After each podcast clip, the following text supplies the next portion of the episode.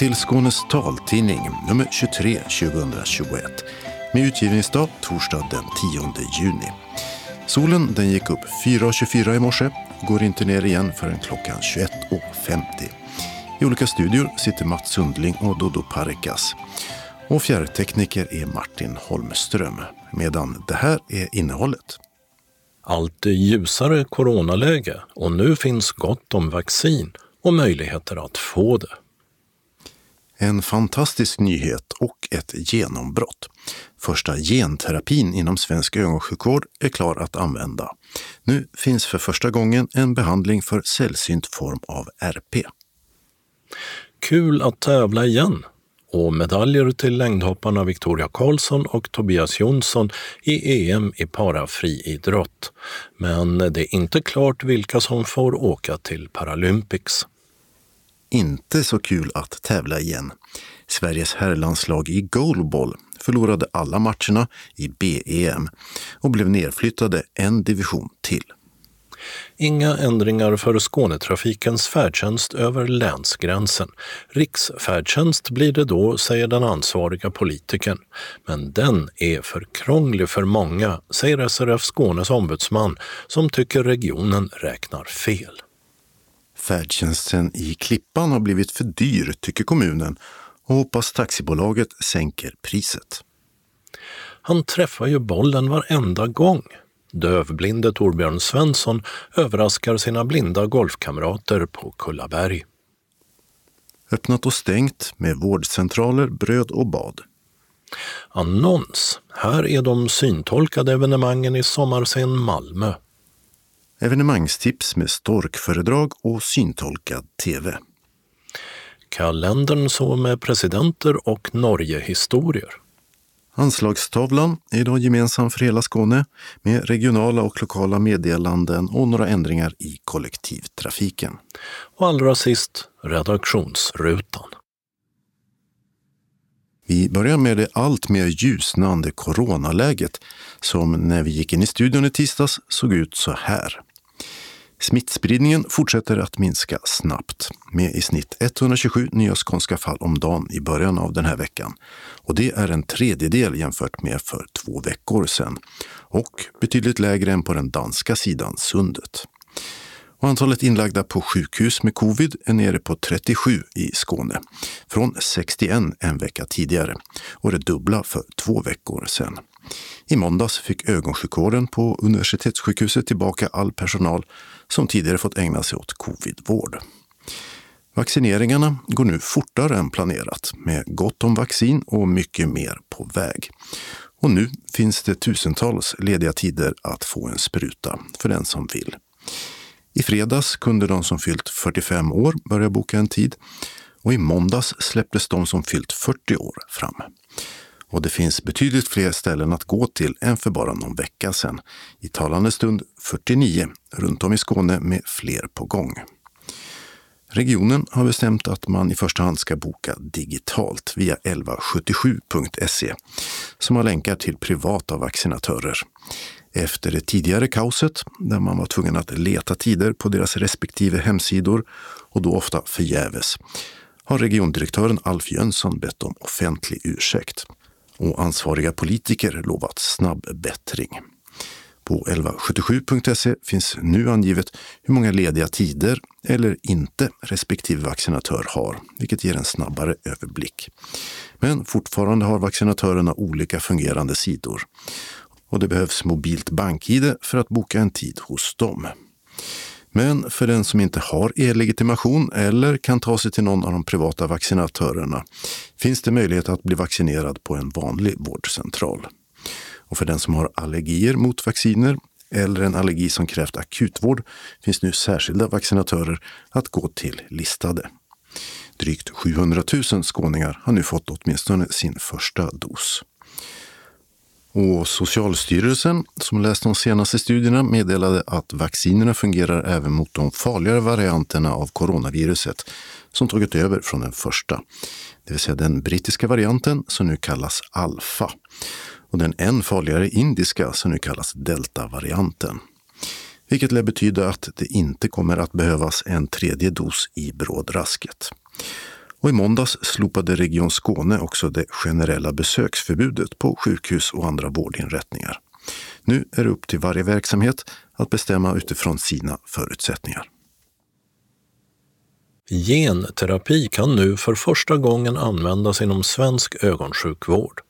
Sedan förra veckan rekommenderas eh, läkemedlet Luxturna också i Sverige för en sällsynt variant av retinitis pigmentosa.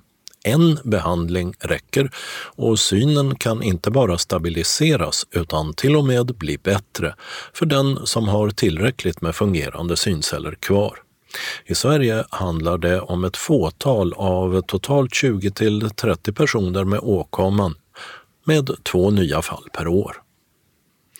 Läkemedlet godkändes rent medicinskt för användning för några år sedan, men priset på 7 miljoner kronor per behandling har gjort att regionernas enteråd avrått från det eftersom de tyckte det var för dyrt.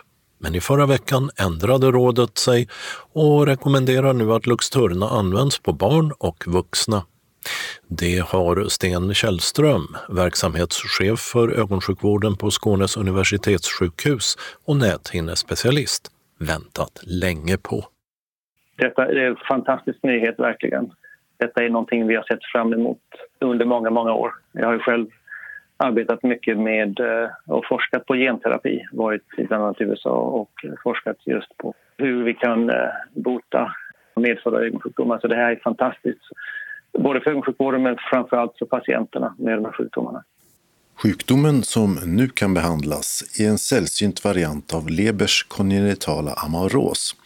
En form av retinitis pigmentosa som är medfödd och slår igenom redan i unga år. Närmare bestämt hos de som har en speciell defekt i bägge uppsättningarna av genen som styr hur proteinet RPE65 fungerar. Och det gör att viktiga delar av näthinnan förstörs med framförallt dåligt mörkerseende och synfältsbortfall som resultat. Ofta betyder det en vit käpp redan i sjuårsåldern. Läkemedlet bygger mycket förenklat på att spruta in friska gener i ögat som ser åt det dåliga proteinet att börja sköta sig. Och när det gör det så kan de andra delarna av syncellerna börja fungera bättre. Sten Källström förklarar hur genterapin fungerar. I syncellerna, i fotoreceptorerna, så finns det då det vi kallar syncykeln. Någonting som ska snurra det är vitamin A som metaboliseras i de här fotoreceptorerna för att det ska kunna fungera. För att det ska kunna snurra runt i den här cykeln så måste alla de här enzymerna och proteinerna i cellen finnas på plats så att det inte stoppar upp. Det är som ett, eh, ett maskineri där det kan saknas kugghjul och saknas då ett av de här kugghjulen så kan vissa snurra för fullt men helheten snurrar inte. Så då i det här fallet så är en liten, liten del av de patienter med Lebers kongenitala amaros, 6% som har den här gendefekten. Då saknas ett protein som heter RPE65-proteinet, ett av de här kugghjulen som inte fungerar. Då vill man få in den här genen i cellen igen. Och hur gör man då? Då måste man ha en budbärare, man måste ha någon som Eh, lyfter in den här genen. Vi har börjat med att identifiera genen och det gjorde man började på 80-talet med att identifiera de här generna och sen så eh, framåt har det eh, exploderat med att vi vet mycket, mycket mer nu. Men vi har identifierat den här genen som kodar, eh, som är i princip receptet för det här proteinet.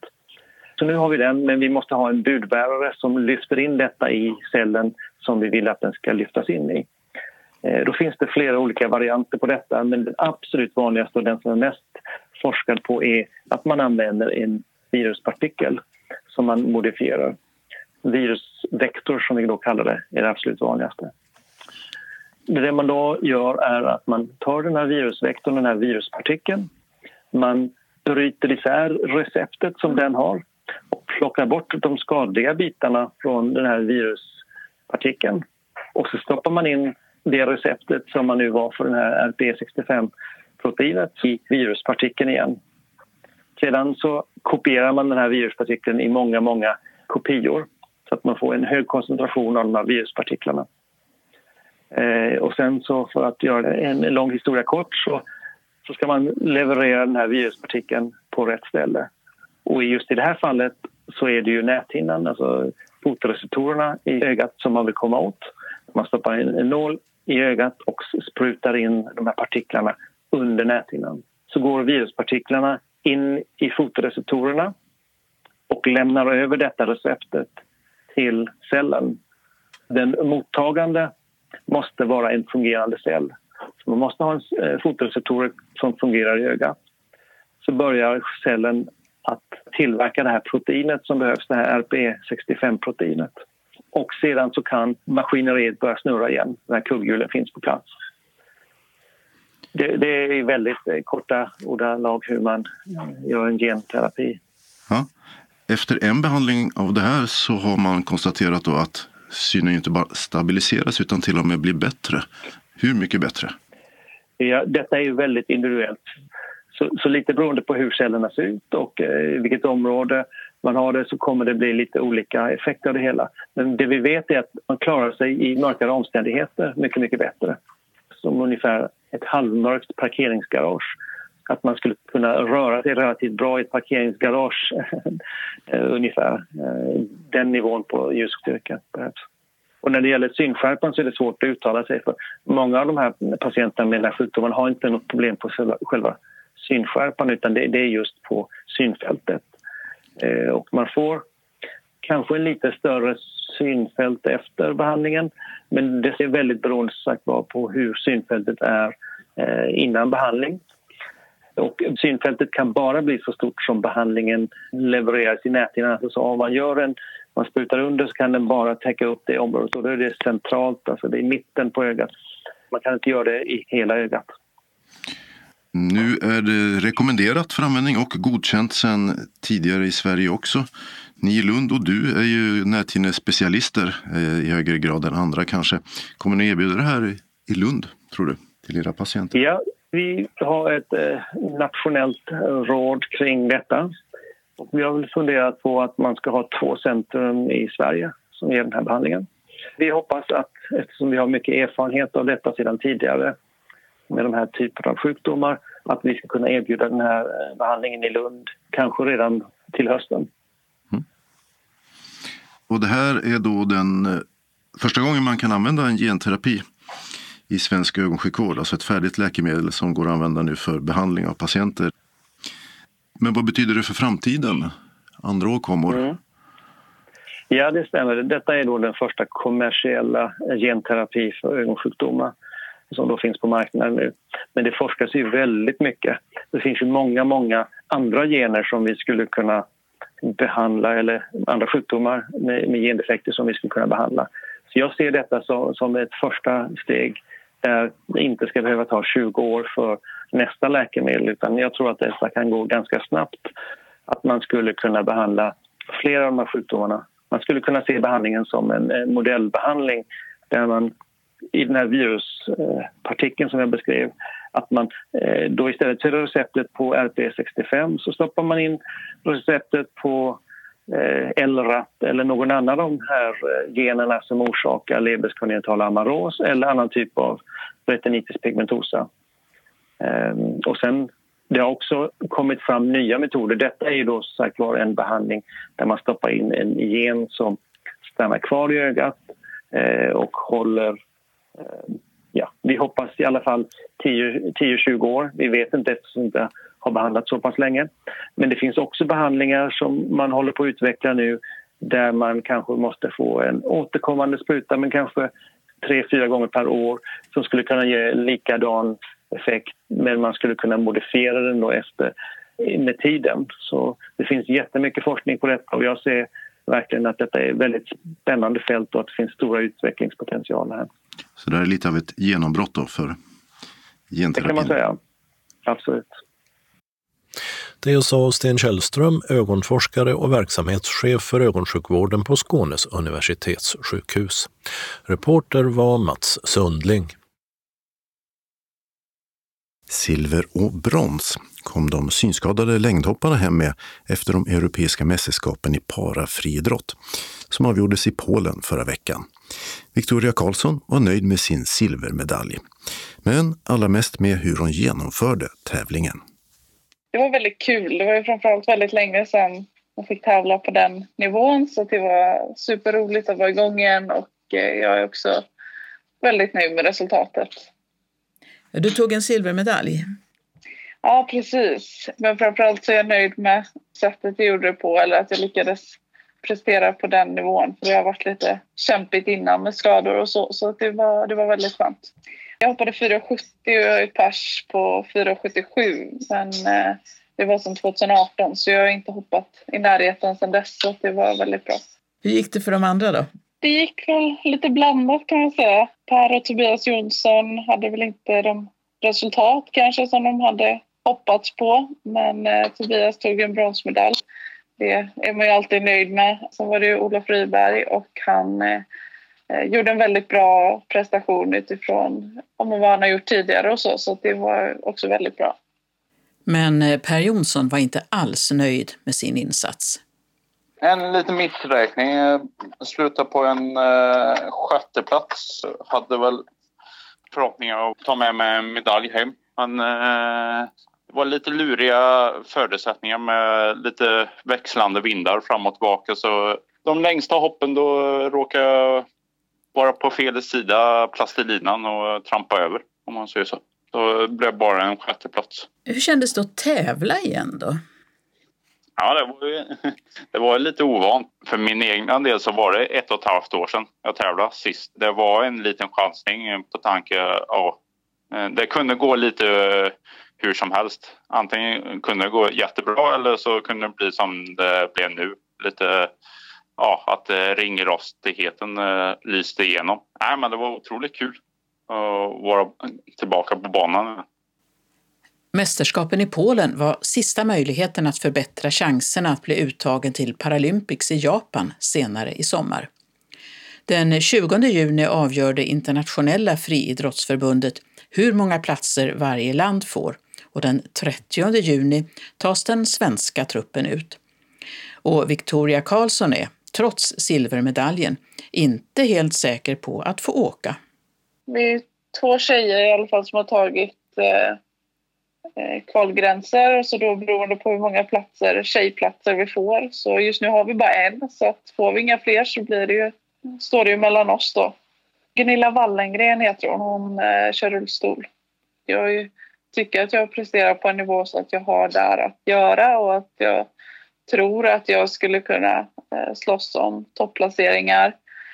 Så det vore väldigt, väldigt roligt. Sen kommer det bli annorlunda såklart jämfört med tidigare Paralympics och det kommer att bli mycket runt omkring som är annorlunda men eh, det är alltid en jättehäftig upplevelse. Liksom. Det kommer ju vara väldigt reglerat vart man får röra sig och hur man får röra sig och så. Sen är det klart man kommer stöta på andra säkert i matsalen och, och allt sånt men man ska ju minimera kontakter så mycket som möjligt. Om inte annat för sin egen skull för det är ju det är du som inte får tävla om du blir sjuk så att du vill ju för allt i världen inte bli sjuk. Även Per Jonsson hoppas på att bli uttagen och är inte orolig för att åka. Det har varit målet de senaste, ja nu blev det fem åren och eh, de kommer ha så pass mycket säkerheter så det är nästan större chans att bli smittad av corona här i samhället, här i Sverige än att få det inne i byn i Tokyo. Så nej, det känns säkert så sett. Vi kommer inte få gå utanför byn eller eh, tävlingsområdet eller träningsområdena. Går man utanför det så kommer man bli diskad och hemskickad direkt. Skulle det bli något utbrott så kommer det vara kunna hålla sig kvar i själva bubblan om man säger så. De kommer göra det så säkert som det bara går. Kommer ni att få träffa idrottare från andra länder eller måste ni hålla er i den lilla, lilla, lilla svenska bubblan? Nej, vi kommer ju mötas om man säger så, men vi ska inte umgås med några andra länder. Ja, det är ungefär samma riktlinjer som det har varit här i Sverige, att man ska bara umgås med den närmaste kretsen. Och det är kanske inte mötet med andra tävlande som Victoria Karlsson kommer att sakna mest. Den självklara grejen är såklart publik. Alltså det, jag vet inte exakt hur de kommer göra med det men det kommer i alla fall inte bli som tidigare. Och det är klart att det är en viktig del och liksom en, en del av inramningen och stämningen så det, det är ju tråkigt. Men eh, samtidigt är vi där för att tävla och det ska vi göra oavsett. Man får ta det för vad det är. Hur var det med publik i Polen? Nej, men det var inte ingen eh, betalande publik så, utan det var aktiva och ledare som, som var där och tittade och, och hejade på. Och eh, sagt, det, är, det är tråkigt, men det, man får vara glad att man kan vara där. Det sa Victoria Karlsson, silvermedaljör på para-EM i friidrott. Vi hörde också den tidigare världsmästaren Per Jonsson, som alltså inte var lika nöjd med sin insats. Reporter var Birgitta Fredén. Det svenska herrlandslaget i goalball åkte i förra veckan till Finland för att spela B-EM med ambitionen att ta sig upp till A-divisionen igen. Men det slutade med fem raka förluster och Sverige blev degraderat till C-EM istället. Laget har efter tidigare stora framgångar en generationsväxling med nya spelare och ledare. En av veteranerna som är kvar är Mikael Åkerberg som säger så här om mästerskapet. Nej, om vi tittar på resultatet så är vi såklart inte nöjda. Och vi hade ambitionen att, att försöka vara med och slåss om topplatserna eh, och gå upp igen. Men framför allt att säkra en plats till kommande BM då, åtminstone. Eh, det var ju väldigt svårt att veta var vi stod inför mästerskapet. Eh, men att vi skulle kunna säkra en plats till nästa BM eh, var vi övertygade om och det var absolut den minsta möjliga målsättningen så att säga. Eh, och det lyckades vi inte med så det är klart att vi inte är nöjda. Nej, de tre bästa skulle få gå upp till AEM och de i mitten får stanna kvar och de eh, tre sämsta åkte ner till CEM och där hamnade ni. Fem raka förluster mot, på pappret i alla fall, överkomligt motstånd. Hur kommer det sig? Eh, om man tittar på det från början så har vi inte spelat några landskamper sedan november 2019 när vi var i AIM. Då. Sen dess har vi fått en ny ledning och eh, ganska många nya spelare kopplat till att, att många av dem som var med i Tyskland 2019 valde att lägga av. Det är rimligt och vi har eh, många unga lovande spelare. Eh, så dök corona upp också, vilket har, har gjort våra förberedelser väldigt annorlunda. Vi har eh, delvis kunnat träna på hemmaplan i mindre grupper. Vi har kunnat ha träningsläger för landslaget under speciella former då, eh, där vi bland annat inte har kunnat möta annat motstånd.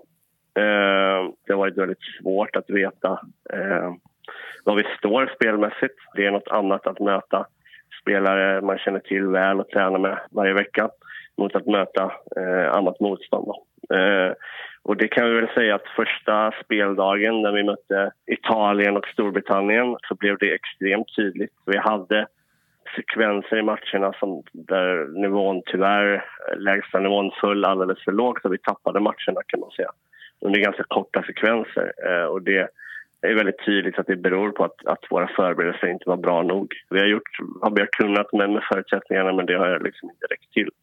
Man kan säga att första dagen och två förluster skapar oss väldigt dåliga förutsättningar. Så vi gick in eh, i dag två med att vi var tvungna att besegra Polen. Eh, vi gör en fantastiskt bra match mot Polen, ska jag säga, med de här förutsättningarna.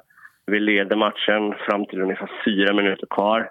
Eh, vi genomför egentligen matchen fram till ja, de första 20 minuterna mer eller mindre exemplariskt efter förutsättningarna. Det finns alltid detaljer som kan vara bättre, men men vi, vi har full kontroll på den matchen. Sen, sen orkar vi inte riktigt så de, de lyckas vinna en jämn match. Eh, så den, den insatsen tycker vi är fullt godkänd även om vi inte lyckas vinna. Eh, och I och med den förlusten så, så, blir det egentligen redan då klart att vi inte kan ta oss vidare och att vi redan har åkt ur. Eh, så de sista två, två matcherna handlar mer om att ge hela truppen matcherfarenhet än att vinna dem kan man säga. Eh, för där, där har vi redan åkt ur och då, då handlar det lite om att förbereda sig för kommande mästerskap också. Eh, så det kan vara en av anledningarna till att vi inte vinner de matcherna sen. Eh, så att, eh, fram till Polen-matchen där, eh, första dagen, absolut inte godkänd. Polen-matchen kunde vi mycket väl ha vunnit och då hade vi varit med i racet, men det gör vi inte, tyvärr. Eh, men, men nivån går uppåt efter att vi får den matcherfarenheten från första dagen. Så det är väl en analys kan man säga. Mm. Hur ser det ut framåt? Det blir ett CEM i november. Hur ser du på det? Det stämmer. Eh, vi har mycket god erfarenhet och det finns mycket kvalitet i det här laget. Så kopplat till att, att omständigheterna blir lite mer normala under hösten förhoppningsvis så bör vi absolut kunna se till att vi går upp igen till B-divisionen under det mästerskapet och då, ja, då, då har vi så att säga då är vi tillbaka på banan igen. Eh, och vi har många unga spelare i det här laget som, som har en, en ljus framtid och vi har också ytterligare några spelare på, på hemmaplan som tyvärr inte kunde delta den här gången som har stora kvaliteter. Så det ska vi absolut kunna, kunna lösa. Ja, till det här mästerskapet så gjorde er gamla lagkapten Fatmir Serimeti comeback med en månads varsel. Får ni behålla honom tro? Det vet jag inte. Det, den diskussionen har vi inte haft än. Men han, han gjorde en väldigt bra insats efter sina förutsättningar under veckan här och jag fick uppfattningen att han trivdes bra i gruppen så att eh, det, den diskussionen får vi ta framöver. Det sa Mikael Åkerberg som när han inte spelar är assisterande förbundskapten för goalball-landslagen. Mats Sundling var reporter. Det blir ingen förändring av färdtjänstreglementet som Skånetrafiken införde i oktober förra året. Reglerna säger att färdtjänst enbart får åkas inom Skåne, medan det nu är riksfärdtjänst som gäller utanför länet. De nya reglerna har fått kritik för att inskränka rörelsefriheten för de som bor i gränstrakterna och till exempel vill besöka grannkommunen i Småland. Häromveckan redovisades en utvärdering som Skånetrafiken och Serviceresor genomfört för funktionshinderorganisationerna, däribland SRF. Men några förändringar blev det alltså inte. Karina Sackau är moderat ordförande för kollektivtrafiknämnden inom Region Skåne. Vi fick en bra redovisning av våra tjänstemän på hur många personer som det här omfattar och det är väldigt fåtal personer. Det kan ändras efter eh, corona, när allt fler blir vaccinerade så kanske det här omfattar fler personer. Och då får vi titta på det igen. Eh, det som också har hänt under, under tiden är att det faktiskt har prövats vid två tillfällen i domstol och där eh, man har dömt till Skånetrafikens fördel, det vill säga vi har inte gjort någon, någon felaktig bedömning i det hela. Eh, så att just nu så har vi inte någon, någon annan handläggning än den som vi har gjort här under våren. Men vi gör mycket individuella bedömningar kan man väl säga. Men generellt sett så har ni inte ändrat någonting i de regler som började gälla i oktober förra året när det gäller att man inte längre får ta färdtjänst utanför Skåne? Nej, utan då är det riksfärdtjänsten som gäller, ja. Men de förändringar vi har gjort är att man kan få generella beslut när det gäller riksfärdtjänst. Så att det innebär att man inte långt i förväg måste ansöka om, om färdtjänst. För det gäller ju framförallt de som har studie eller arbetsresor. Men även andra har fått det. Vad brukar organisationerna nöjda med de här beskeden då? Där fanns det en del frågor ytterligare kring detta, eh, vilket är förståeligt. Eh, och det är just det som vi nämner här att det kanske har varit ett begränsat antal resande under den här perioden eh, var väl en av frågorna som kom upp ifrån brukarorganisationerna. Och det har vi ju givetvis med oss som vi, vi bevakar hela tiden. Och en av dem som var med på mötet var Henrik Eld, ombudsman för SRF Skånedistriktet.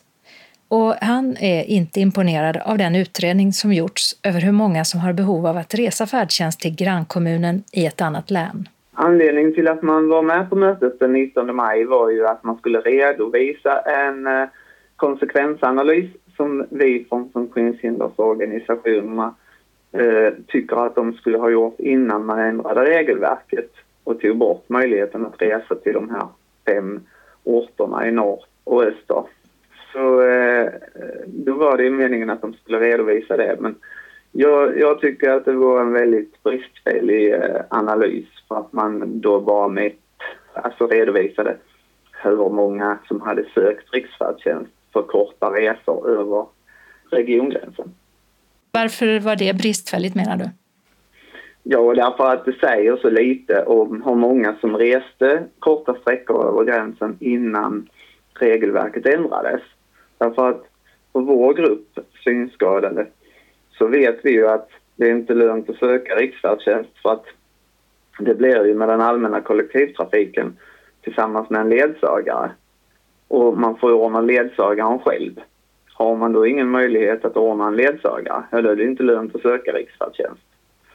Så därför så eh, finns det ett mörkertal här där vi inte vet hur många resor som eh, eh inte blir av eller som inte är aktuella eftersom att vi vet att det blir riksfärdtjänst med allmän kollektivtrafik och ledsagare. Vi får alltså inte en taxiresa när vi söker riksfärdtjänst.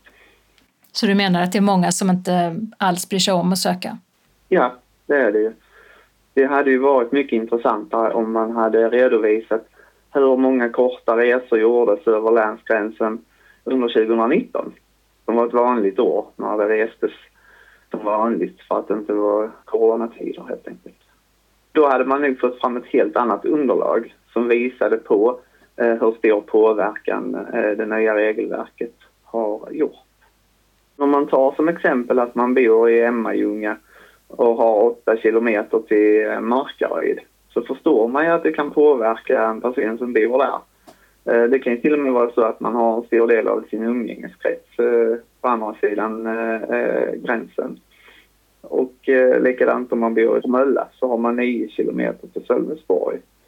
Det, det, måste ju vara ganska många som påverkas och eh, inte kan resa som man gjorde tidigare. Och det här har ju då blivit eh, några har anmält det till eh, förvaltningsrätten som gav då Skånetrafiken rätt.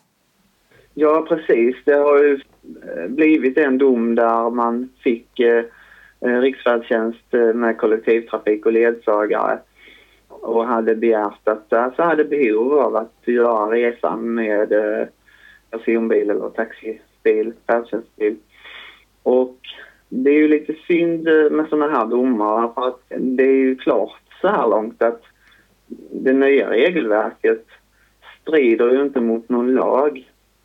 Och då är det inte lönt att gå till förvaltningsrätten för att de kommer ju bara att belysa ärendet utifrån lagen.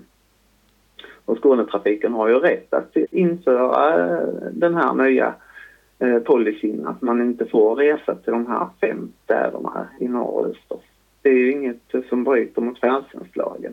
Därmed tycker ju vi att Skånetrafiken har ju redan eh, delar i sitt regelverk som är generösare än vad färdtjänstlagen säger.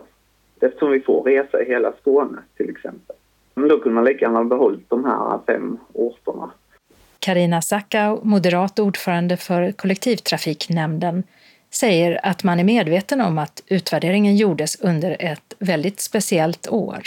Jag vet att våra handläggare har haft eh, mycket kontakt med de personer som, som det här har berört och det kan man ha eftersom att vi, vi pratar om ett, ett inte många personer som, som detta berör överhuvudtaget och som har varit i kontakt med oss skulle jag vilja säga. För det kan ju absolut ändras när vi kanske har blivit ännu mer vaccinerade i Skåne och övriga Sverige och man därmed vill resa mer än vad man har gjort tidigare. Och det kommer vi att följa noga givetvis så att vi ser eh, hur det här utvecklar sig. Eh, på ett, på, och, och, vi ska göra allt vi kan från förvaltningens sida i, på serviceresor, alltså färdtjänsten, att, att se till att de personer som då har ett behov av riksfärdtjänst, att de blir korrekt hanterade och att vi gör det så enkelt som möjligt för dem att faktiskt kunna resa. Och Henrik Eld kommer nu att försöka att följa upp det här med kommunerna i gränstrakterna för att se om de kan vara med och påverka. Jag tänkte ju att eh, jag tänkte, eh, ska inleda en kontakt med de här kommunerna och, och fråga de som är har ansvar till kommunen politiskt och eh, på tjänstemannanivå för färdtjänsten och följa upp färdtjänsten på Skånetrafiken för deras del och fråga dem om de är medvetna om den här försämringen för deras kommuninvånare. Så eh, får vi höra vad de svarar. Jag tror att vi gör gemensam sak eh, tillsammans, SRF och eh, DHR. Sist Henrik Eld, ombudsman för SRF Skåne. Och tidigare hörde vi Karina Sackau, ordförande för kollektivtrafiknämnden. Och på vår hemsida ligger två länkar till tidigare inslag om de nya färdtjänstreglerna. Reporter var Åsa Kjellman Erisi. Färdtjänsten i Klippan har blivit för dyr, tycker kommunen som nu hoppas på att Taxi Ängelholm ska gå med på att sänka priset. Annars kan man säga upp avtalet och göra en ny upphandling. I det avtal som slöts mellan Klippans kommun och Taxi Ängelholm för två år sedan ingår en startavgift för transporter med specialfordon för rullstolar. Kilometeravgiften är i gengäld lägre än för vanliga taxibilar. Det här visade sig bli mycket dyrt, speciellt som antalet transporter med specialfordon ökat med 20 procent. Det säger Anna Andresen, moderat ordförande i socialnämnden till Skånes taltidning. Hittills har man klarat sig med de 4 miljoner kronor som finns avsatta i budgeten för färdtjänst. Men nästa år beräknas kostnaden till 5,7 miljoner kronor, en kostnadsökning som kommunstyrelsen inte godkänt. Avtalet med Taxi Ängelholm löper ut vid årsskiftet men kan förlängas med två år. Vid socialnämndens nästa möte veckan innan midsommar måste man besluta om avtalet ska förlängas eller sägas upp. Fram till dess förhandlar kommunens tjänstemän med Taxi Ängelholm om att sänka priset. Om vi måste säga upp avtalet har vi då sex månader på oss att göra en ny upphandling, vilket vi kommer att klara av, säger Anna Andresen. Alternativet att lämna över färdtjänsten till Skånetrafiken är inte aktuellt i dagsläget. Klippan har generösare regler än Skånetrafiken. Bland annat får man fortfarande ta färdtjänst till grannkommunerna i Halland, Småland och Blekinge. Färdtjänstresenären kan också stanna till för kortare ärenden på till exempel apoteket eller postutlämningsstället utan att behöva beställa ny transport. Föraren hjälper till med matkassar och ska se till att resenären kommer in genom dörren till bostaden och inte lämnas utanför. Klippanborna vill absolut inte att Skånetrafiken ska ta över färdtjänsten, säger Anna Andresen. Vi har tidigare berättat om golf för synskadade och nu ska vi återvända till golfsporten. Denna gång för att följa dövblinde Torbjörn Svensson som även han börjat spela golf med utmärkt resultat. Häromveckan träffade vi Torbjörn, SRF-arna Maria Torstensson och Hans Olin samt tränaren Johanna Pyk Jargård på Kullaberg och Mölle Golfklubbs försommargrönskande och lite backiga bana. På en matta på utslagsplatsen står Torbjörn tillsammans med Johanna och en dövblind tolk. Ja, okej. Okay. Bara känna. Mm.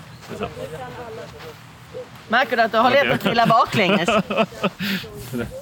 Det är lätt att trilla baklänges, ja. precis. Jag ska ge dig en känsla nu. Nu ska vi ställa oss bredvid mattan lite grann. Med hälarna på mattan. Så bara för att känna hur det ska kännas lite i fötterna. Okej, okay, ja. ja. Okej, okay, okay. Om du kommer här. Så. Lite, lite längre fram. Så. Perfekt, där ja. Känns det lite hur det känns i fötterna där? Ah, det lite mer vikt framåt.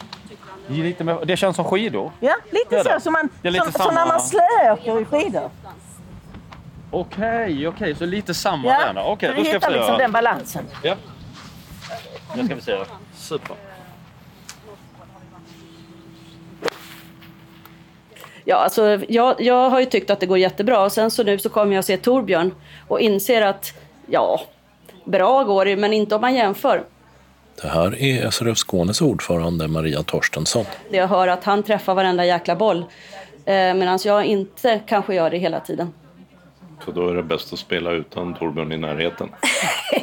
Nej då, man spelar ju bara mot sig själv och det som är fördelen med golf att alla kan spela tillsammans med varandra. Det finns så många olika modeller på golfspel så att det är jätteroligt.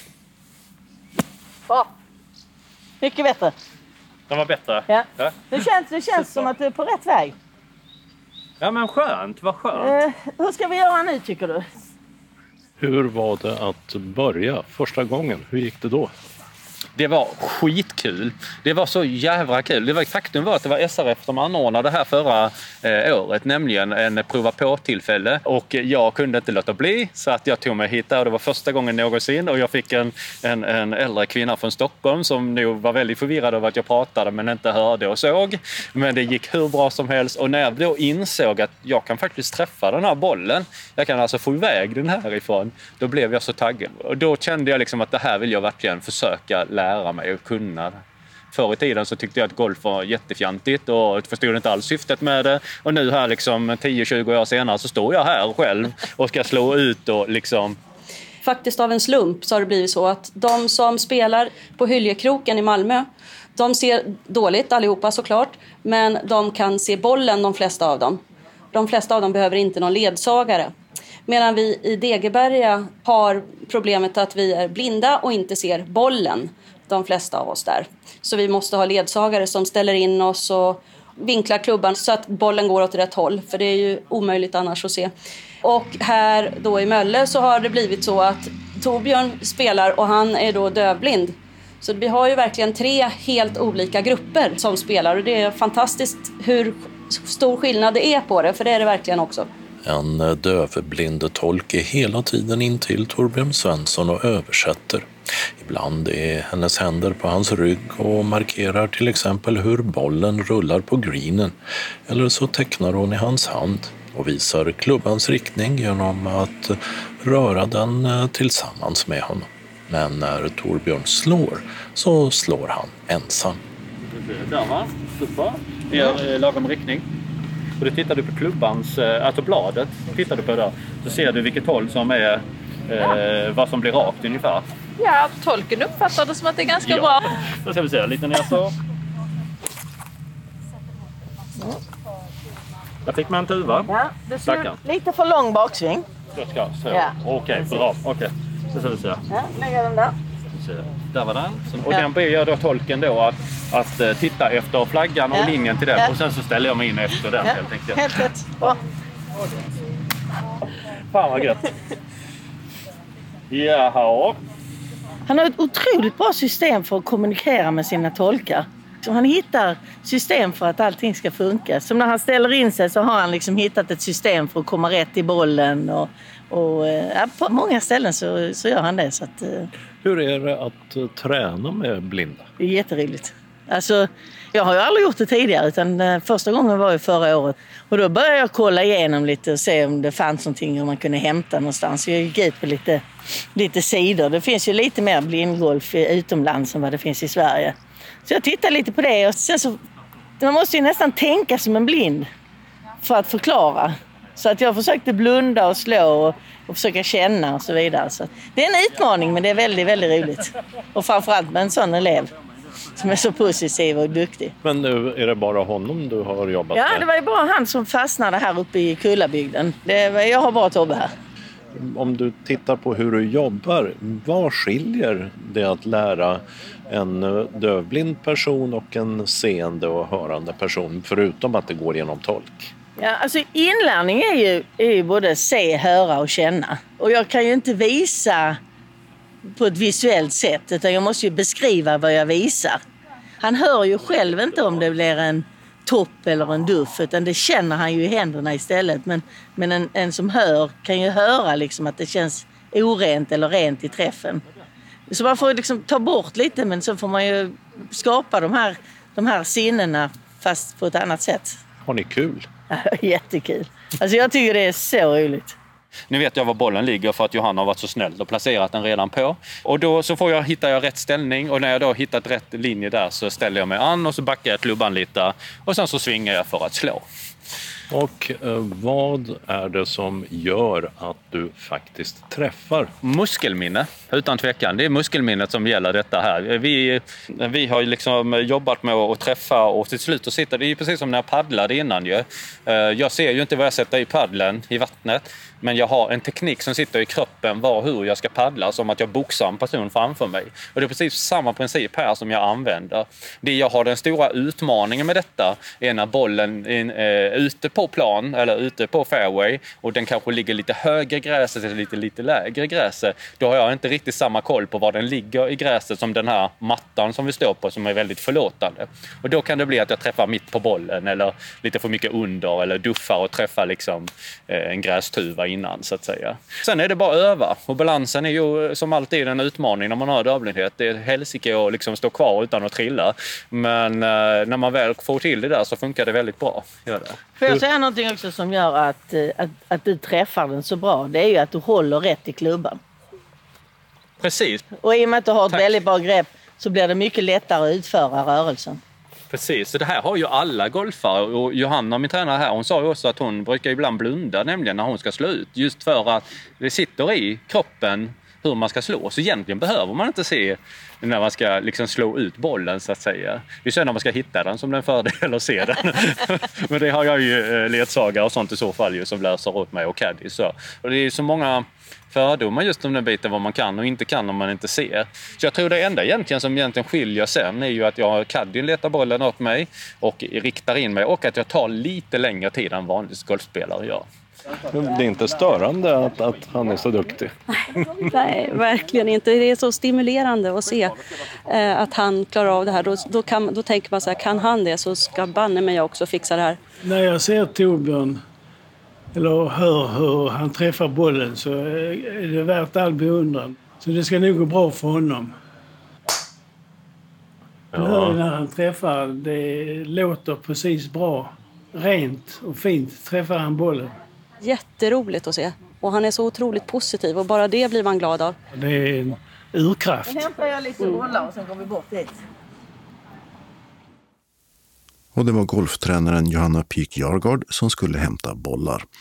Vi hörde också golfaren Torbjörn Svensson, Dövblindtolken Josefin Engström och SRF-arna Maria Torstensson och Hans Olin. Och reporter var Dodo Parikas. Öppnat och stängt. I Södra Sandby utanför Lund öppnade i fredags vårdcentralen i nya lokaler i ett nytt hus, tvärs över gatan från den gamla. Södra Sandby vårdcentral drivs av Region Skåne och adressen är nu Trissogatan 1. I Ystad samlar Capio sina två vårdcentraler till en adress på Missunnavägen 7 för sina patienter och lämnar därmed lokalerna på Spanienfarargatan i hamnen. Sommartid betyder att flera kommuner nu öppnar sina utomhusbad för säsongen. I till exempel Staffanstorp öppnade i förra veckan Bråhögsbadets utomhusbassäng. Öppet måndag till fredag 9 till 19, helger 10 till 18 och morgonsim erbjuds vardagar mellan 6.30 och 8 till den 22 augusti då den stänger igen. I Kristianstad har brödboden på Lilla Torg stängt. I Klippan har Frälsningsarmén lagt ner verksamheten och lokalerna på Allégatan 10. De ska säljas. På Läreda handelsplats i Hässleholm har Biltema öppnat med 7000 kvadratmeter till sitt förfogande. Varuhuset inrymmer även ett café. Adressen är Norra Kringelvägen 42A till F. I Sösdala i Hässleholms kommun har Hälsoprofilen öppnat ett 700 kvadratmeter stort gym. Det ligger på Länsmansgatan 21 i ett blått hus som tidigare inrymde en byggbutik. Och där erbjuds nu förutom gymmet olika former av gruppträning. Hälsoprofilen har sedan tidigare gym inne i Hässleholm samt i Perstorp och Hör. I Malmö har GAS, eller GAS i versaler, öppnat på La Rochegatan 7 nära Lilla Torg. Namnet ska uttydas Greens and Street Food och här serveras modernare snabbmat med en liten uteservering. I lokalen låg tidigare bageriet Gastell. Vi har en annons för de syntolkade evenemangen i Sommarscen Malmö. Sommarscen Malmö erbjuder i år ett coronaanpassat program fullt av musik, teater och andra upplevelser. Från den 12 juni till och med den 5 augusti. Fem av akterna är syntolkade och vilka de är ska jag snart berätta. För syntolk, det är oftast jag som heter Helena Frank. På grund av corona finns det i år ingen tryckt programtidning och det är biljettbokning som gäller eftersom det finns en maxgräns för antal besökare.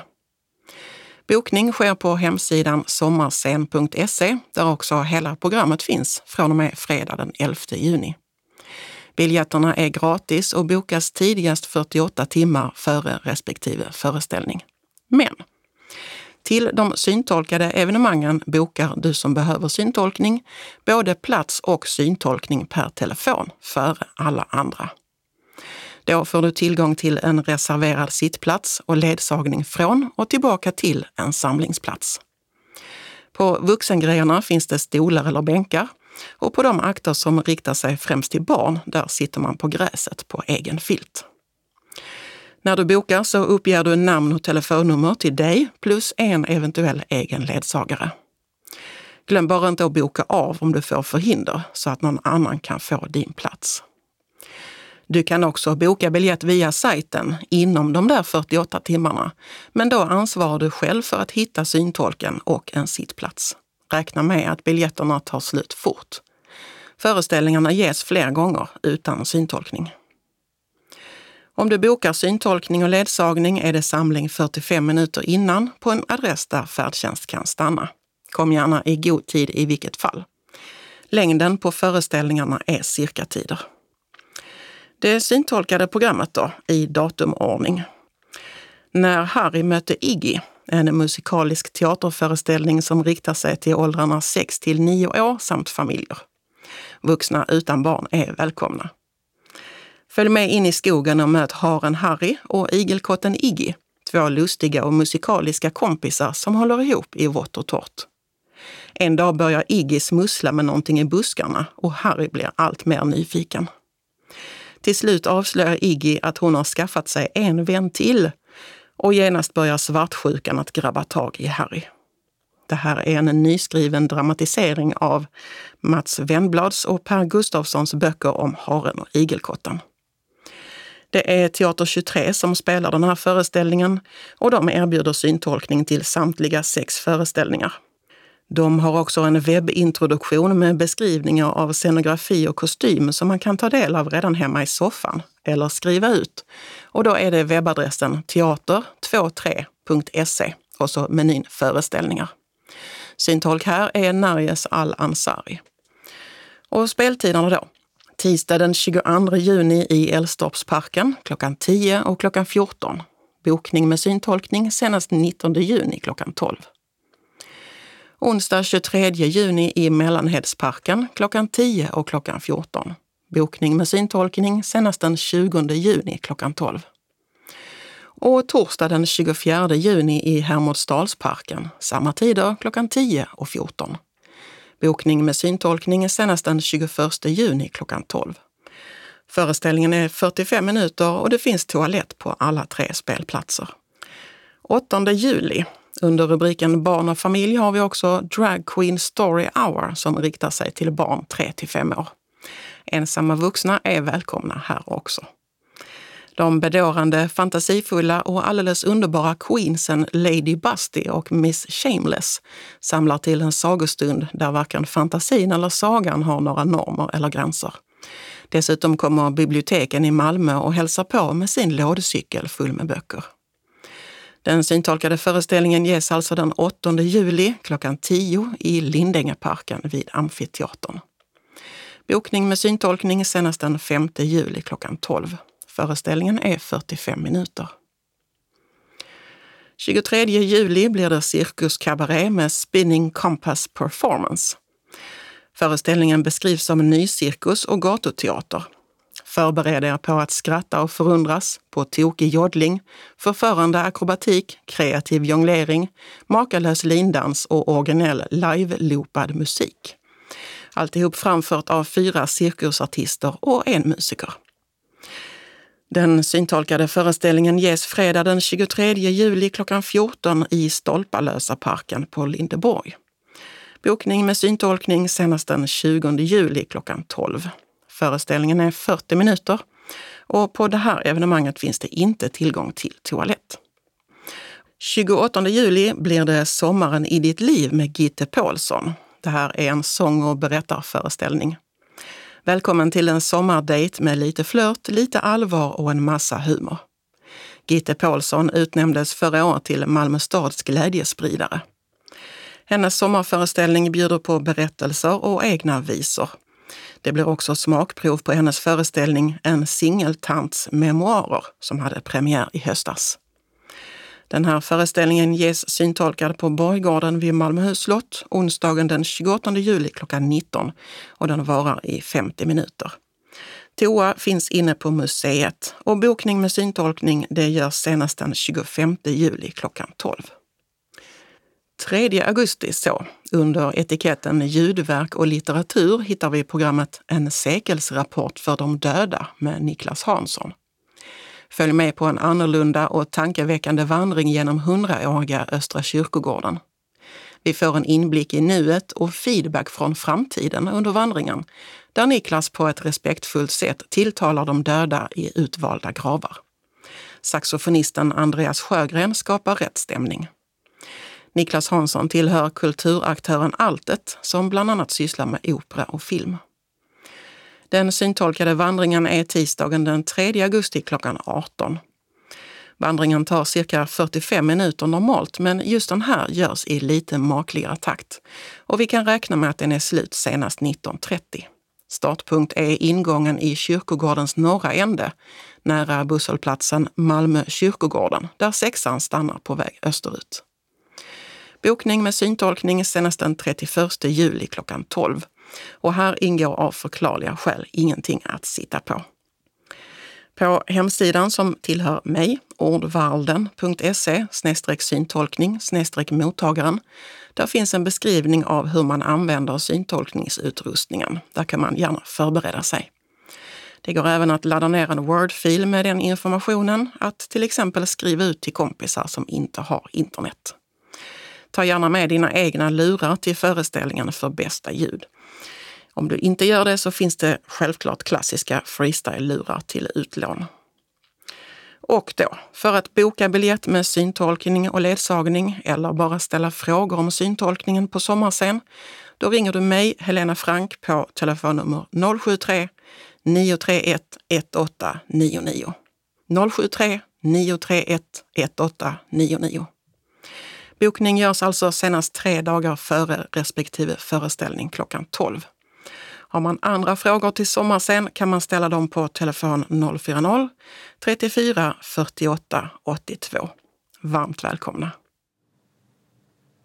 Evenemangstips så, fortfarande med reservation för att pandemin kan göra att evenemang ställs in eller flyttas.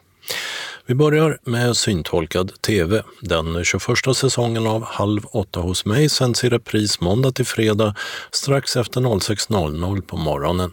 Det gäller till och med 21 augusti enligt nuvarande sändningsschema. Grand Designs Sverige går också i repris på tisdagar 20.00 till och med 17 augusti. Bägge serierna i TV4.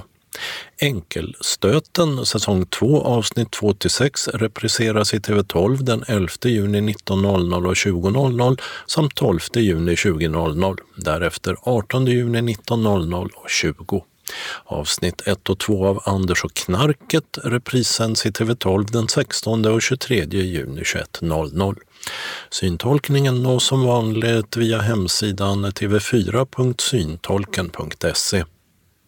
I Lund spelar Ensemble Mare Balticum på Palestra ett Odeum med Paradisgatan 4, nu på söndag 13 juni mellan 14 och 15. Temat är ny musik för gamla instrument och konserten ingår i festivalen Lund Contemporary. Mellan 16 och 17 samma dag spelar Stockholms saxofonkvartett i universitetsaulan. Dörrarna till bägge konsertlokalerna öppnas 45 minuter innan konsertstart. Det är gratis och endast 50 platser per evenemang och ingen förhandsbokning så det gäller att vara ute i riktigt god tid. På Hovdala slott blir det storkföredrag på Stora stallets vind den 13 juni klockan 12. Det är Staffan Åkerby från Storkprojektet som berättar om storkens återkomst till Skåne och Hässleholm. Biljetterna kostar 100 kronor och bokas och köpes från Slottsbutiken. Telefon 0451 26 68 00. Malmö Live Konserthus sänder en eh, streamad konsert den 17 juni 19.00 med Sebastian Möllert och Subchamber Ensemble. Den en och en halv timme långa konserten heter Natthall och streamas kostnadsfritt via hemsidan malmolive.se. Anja Gatu är journalist, tidigare sportchef på Sydsvenskan och författare. I den senare rollen uppträder hon i en strömmad gratisföreläsning på nätet 17 juni mellan 13 och 14 och 20 augusti mellan 15 och 16 från Rosengårdsbiblioteket i Malmö. Anja Gatu berättar då om sin senaste barnbok Kattspionerna på Rosengård. Föreläsningen sker via Zoom och bokas på telefon 040 660 85 48 På Rådhustorget i Landskrona ska det bli konserter varje fredag 19.00 i juli månad. Först ut är Fröken Elvis den 2 juli med just Elvis-låtar framförda på svenska. 6 juli blir det svängig arabisk musik med Malmöbaserade bandet Taraband. 16 juli uppträder Tingsek. 23 juli kommer turen till Malin Kristin, Jakob Karlberg och Albin Jonsén. Och den 30 juli ger Eva Eastwood en konsert med rötterna i 1950-talets rock och rockabilly. Krapperups slottspark i Nyhamns läge blir platsen för en vandringsteaterföreställning i sommar med gruppen Alla Tiders Teater, som tidigare hette Sommarteater på Krapperup. Vandringsteater betyder att publiken följer med mellan olika spelplatser i parken. Pjäsen heter Missing Alice. Temat är unga tjejers möte med vuxenvärlden med utgångspunkt i Lewis Carrolls klassiker Alice i Underlandet. Premiär 17 juli och sen spelas föreställningen 16 gånger till och med 7 augusti. Bokning sker via hemsidan allatidersteater.se biljetter. Helsingborgs stadsteater var den första stadsteatern i landet med en fast anställd ensemble. Verksamheten drog igång för 100 år sedan, så det är alltså jubileum i år. Ett jubileum eh, som ser ut att kunna firas inför publik. Säsongen börjar 19 augusti med den livsbejakande monologen Allt som är underbart som ges på innergården till Jakob Hansens hus, Norra Storgatan 21. Biljettinformation Malmö Live och Konserthus 040 34 35 00. Helsingborgs stadsteater 042 10 68 10. Kalendern för årets 24 vecka startar måndagen den 14 juni då Håkan och Hakon har namnsdag. Schweiz president Guy Parmelin besöker Sverige och tas emot i audiens på Stockholms slott av kungen. Det norska oljeundret fyller 50 år. Det var nämligen detta datum 1971 som den norska Nordsjöoljan började utvinnas. Landets ekonomi gjorde ett stort språng framåt och Norge har kunnat stapla miljarder på hög i sin oljefond för framtida bruk. Om det var detta faktum som också gjorde att det började höras färre Norgehistorier här i Sverige ska vara osagt. Men ekonomiskt gick ju lillebror om storebror, eller sötebror, som det lite maliciöst brukar heta om den tidigare unionspartnern. Idag är det dock inte längre lika gångbart med rikedom grundad på fossila bränslen och norrmännen köper elbilar som aldrig förr medan olje och gasutvinningen fortgår. På andra sidan Atlanten fyller en man som förlorade presidentvalet men fortfarande anser att han vann det 75 år.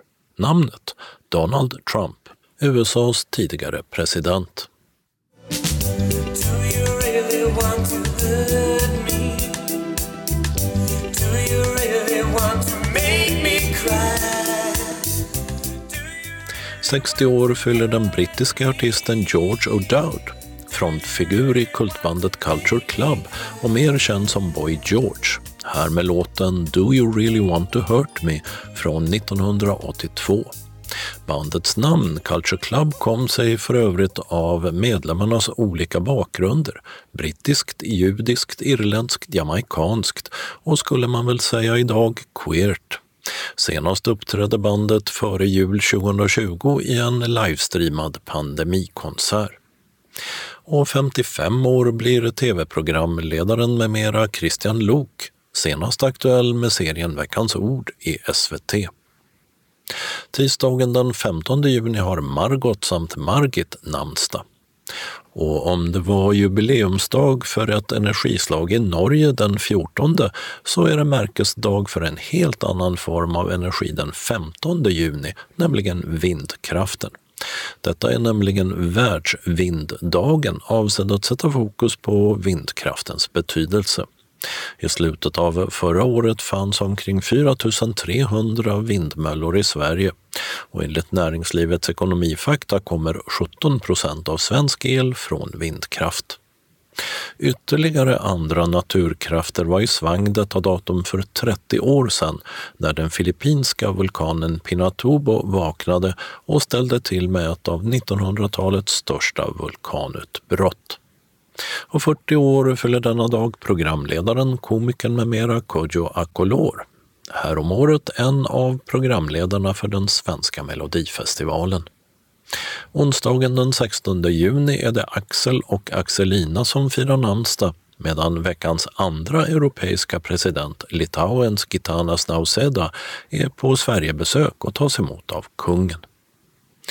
Den irländske författaren James Joyce är upphovsman till romanen Ulysses, eller Odysseus, som utkom 1922.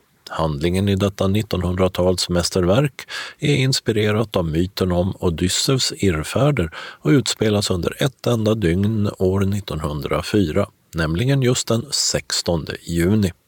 Och eftersom en av huvudkaraktärerna heter Leopold Bloom, för övrigt just på irrfärd genom Dublin, så kallas detta av Joyce-beundrare sedan 1950-talet för Blooms Day. Att läsa talboken Ulysses tar längre tid än bokens Dublin-dygn, nämligen 36 timmar och 19 minuter.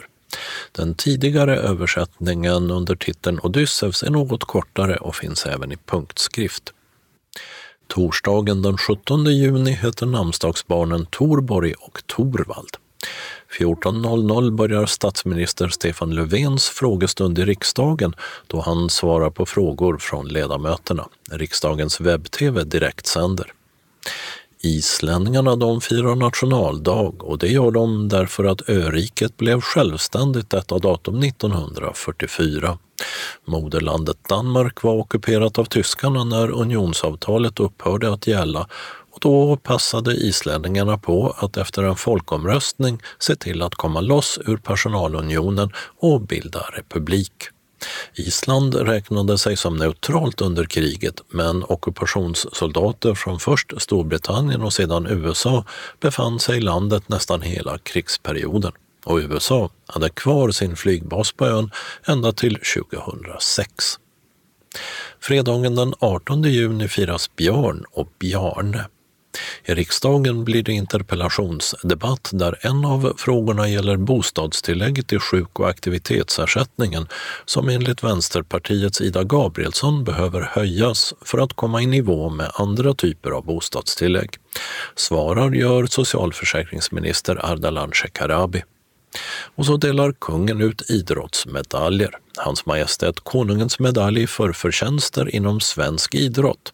Det är namnet på utmärkelsen. Första gången medaljerna delades ut var 2019.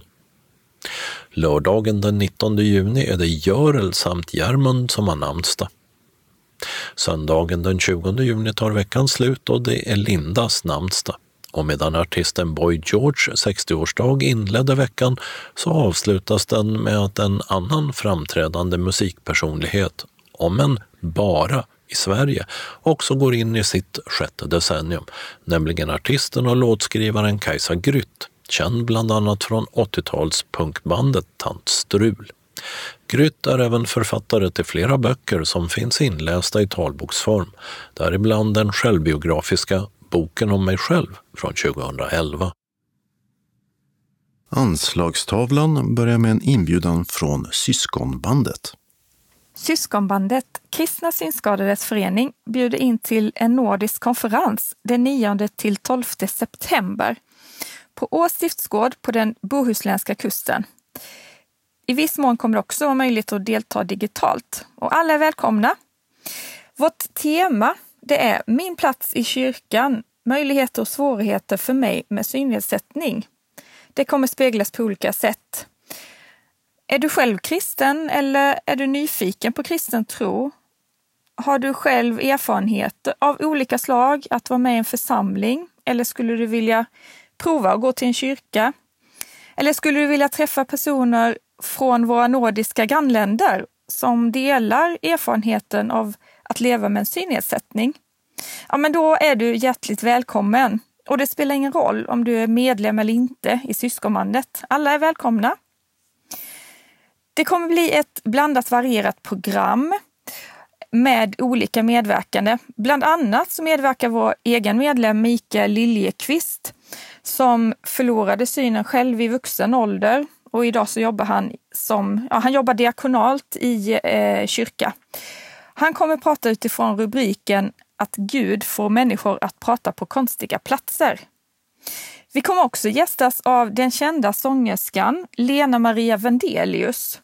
Hon är främst känd som sångerska och genom tv-program, eh, böcker och sina många skivor. Men också så är hon eh, simmerska eh, sedan hon var ung. Eh, så då tog hon medalj i Paralympics i simning för att hon föddes utan armar. Och idag är hon även fotkonstnär. Hon har ett stort engagemang och jobbar för rättigheter för barn med funktionsnedsättningar i världen. Hon är också inspiratör och föreläsare och hon kommer och inspirerar oss.